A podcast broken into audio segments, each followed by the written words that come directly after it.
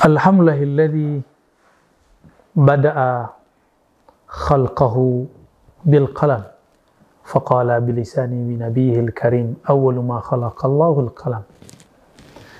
Allahumma salli ala sayyidina Muhammad al qalam wa ala alihi wa ashabihi ajma'in. Amma ba'du sahabat-sahabat bukan Allah salah satu kemuliaan kita kita menjadi umat Nabi Muhammad yang beliau disebut dalam hadis Imam Tirmizi dengan al-qalam begitulah ujar Imam Al-Ghazali apa kata Imam Al-Ghazali? Hadis yang menyebutkan awwalu ma khalaqallahu al-qalam. Yang pertama Allah ciptakan adalah al-qalam. Hadis sahih Imam Tirmizi. Siapakah al-qalam? Itulah simbol dari Nur Muhammad sallallahu alaihi wasallam. Jadi al-qalam itu adalah cahaya. Cahaya apa? Nurul ilm. Cahaya keilmuan. Cahaya ma'rifatullah. Cahaya yang dengannya alam bersinar. Cahaya yang dengannya Seseorang bisa memandang yang ada di depannya, di kirinya, di belakangnya, di atas, dan di bawahnya. Jadi apa itu cahaya? Cahaya adalah media yang membuat kita bisa menyadari siapa yang bersama kita, bahkan siapa diri kita. Coba bayangkan jika lampu padam, kita tidak bisa melihat apa-apa.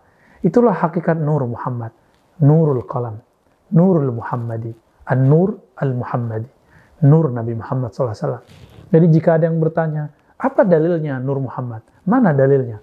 Begitu ujar anak-anak hijrah hari ini. Kita katakan, suatu istilah bukan berarti tidak ada padanannya dalam hadis. Orang yang mengerti mustalahat ilmiah, mereka mengerti istilah ini ada pada hadis ini. Meskipun cara lafaz berbeda, tapi isinya sama. Siapa yang mengatakannya? Bukan seorang yang bodoh seperti saya, tapi Imam Hujjatul Islam, Abu Hamid Al-Ghazali, kritikusnya dan pengagumnya sama-sama mencintai beliau. Ibn al-Jauzi mengkritisi beliau, tapi meringkas kitab Ihya Ulumuddin. Jadi Minhajul Qasidin. Namun ada anak-anak muda hari ini, mulutnya berbisa. Dia tidak tahu hak seorang ulama. Dia tidak mengerti sebenarnya makom Imam Ghazali seperti apa. Lalu Imam Ghazali dia kata-katai sesukanya saja. Teman-teman yang melakukan Allah, Imam Al-Ghazali menjelaskan hadis ini dengan bagus. Awwalu ma khalaqallah al-qalam. Yang pertama Allah cipta adalah Nur Muhammad yang dulu bernama Al-Qalam. Itulah yang dikatakan Iqra bismi rabbikal ladzi khalaq. Bacalah dengan nama Allah yang menciptakan, yang mengajarkan dengan Al-Qalam. Bil qalam. Siapakah dia? Dialah Nur Muhammad sallallahu alaihi wasallam.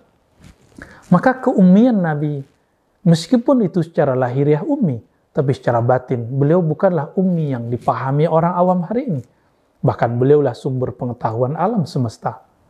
Sahabat-sahabat makan Allah, saya pernah menyebutkan penafsiran lain daripada ayat Wa jinna wal insa illa liya'budun. Tidaklah, kata Allah, aku menciptakan jin dan manusia kecuali untuk menyembahku. Siapakah yang paling sempurna menyembah Allah, itulah baginda Nabi Muhammad SAW yang disebut dengan abdun. Maka kata abdun adalah makom kewalian, kenabian, kerasulan tertinggi. Nabi Khidir disebut abdun, Nabi Muhammad disebut abdun, hamba. Namun orang-orang yang tidak faham, tidak faham apa makom yang ada di abdun. Itulah makom Nur Muhammad Sallallahu Alaihi Wasallam. Jadi bagaimana caranya mengaktifkan nur Muhammad di dalam diri. Caranya, jadilah abdun min ibadah. Jadilah hamba di antara hamba-hambanya. Allah mengatakan innalillah lewat lisan Rasulnya.